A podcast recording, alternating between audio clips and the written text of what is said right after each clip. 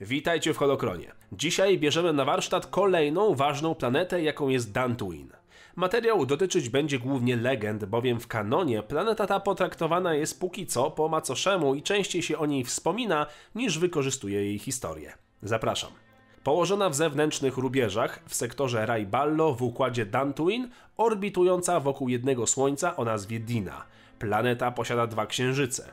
Długość dnia wynosi tutaj 25 standardowych godzin, rok wynosi 378 lokalnych dni. Dantooine posiada kilka kontynentów. Świat w kolorze oliwkowym, niebieskim i brązowym znajdował się z dala od zgiełku galaktycznych szlaków handlowych.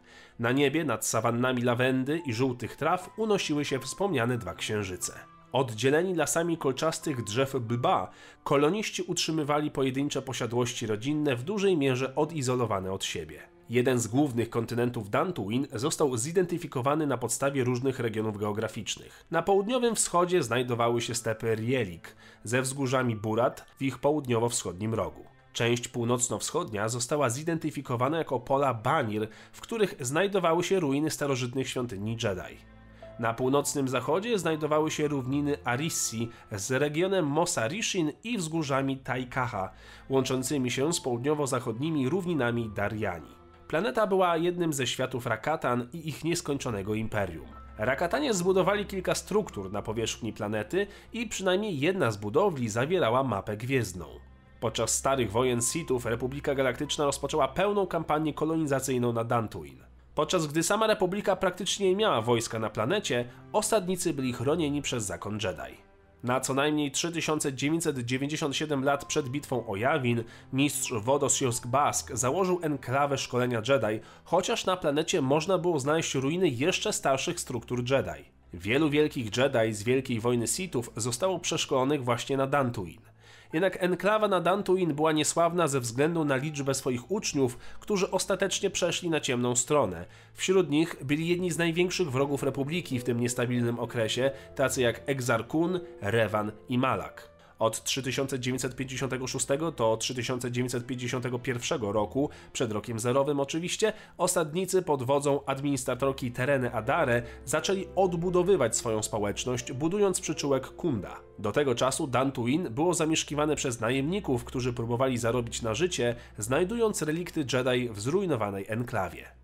Jedi co i raz wracali na planetę i odbudowywali enklawę, jednak mimo wielkiego przywiązania do tego globu, zakon nie miał szczęścia do otrzymania tam przyczółku na dłuższy czas. Darth Treya czy Nowa Blades bezlitośnie tępili przejawy działalności zarówno Republiki, jak i zakonu Jedi.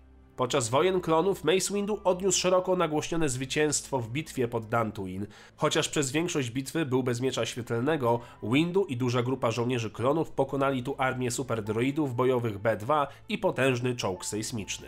Wiele lat później, po podpisaniu traktatu koreańskiego, Sojusz na rzecz odbudowy Republiki ustanowił Dantooine jako swoją kwaterę główną, ustanawiając prefabrykowaną bazę w pobliżu ruin starej enklawy Jedi. Po przeniesieniu sojuszu na Jawin 4 księżniczka Leia Organa próbowała oszukać wielkiego Mofa Tarkina, aby uwierzył, że główna baza rebeliantów nadal znajduje się na Dantooine, próbując oszczędzić jej ojczyźnie Alderan niszczycielskiej mocy najnowszej broni Imperium. Fortel ten, jak wiemy, niestety nie wypalił. Wypaliła za to Gwiazda Śmierci, niszcząc ojczyznę księżniczki. Ostatecznie Imperium przejęło opuszczoną bazę sojuszu i odkryło w ruinach ośrodek do klonowania Jedi i wznowiło prowadzenie badań w celu opracowywania szybkich procedur klonowania. W końcu planeta ponownie wróciła pod opiekę Nowej Republiki. Podczas wojny z Yuzhan Wong planeta ucierpiała, ale jeszcze gorzej było z jej mieszkańcami, którzy zostali praktycznie wryżnięci w pień. Glob jednak ocalał, choć na jego powierzchni powstał szeroki na 2 km dół, wypełniony kośćmi ofiar składanych bogom Yuzhan Wong. Sojusz Galaktyczny odzyskał w końcu Dantooine, gdy Yuzhan Wong się poddali. Podczas II Galaktycznej Wojny Domowej w 40 roku po bitwie o Jawin planeta ponownie znalazła się pod kontrolą Imperium, którego to resztki zostały zreorganizowane w Imperium Fel 4 lata później. W 138 roku po bitwie o Jawin wraz z upadkiem galaktycznego Imperium Darth Krajta Dantooine prawdopodobnie zostało członkiem Trumviratu Federacji Galaktycznej. I to wszystko na dzisiaj. Koniecznie zajrzyjcie w opis odcinka. Dziękuję patronom za wsparcie. Zaglądajcie na Discorda i niech moc zawsze będzie z wami.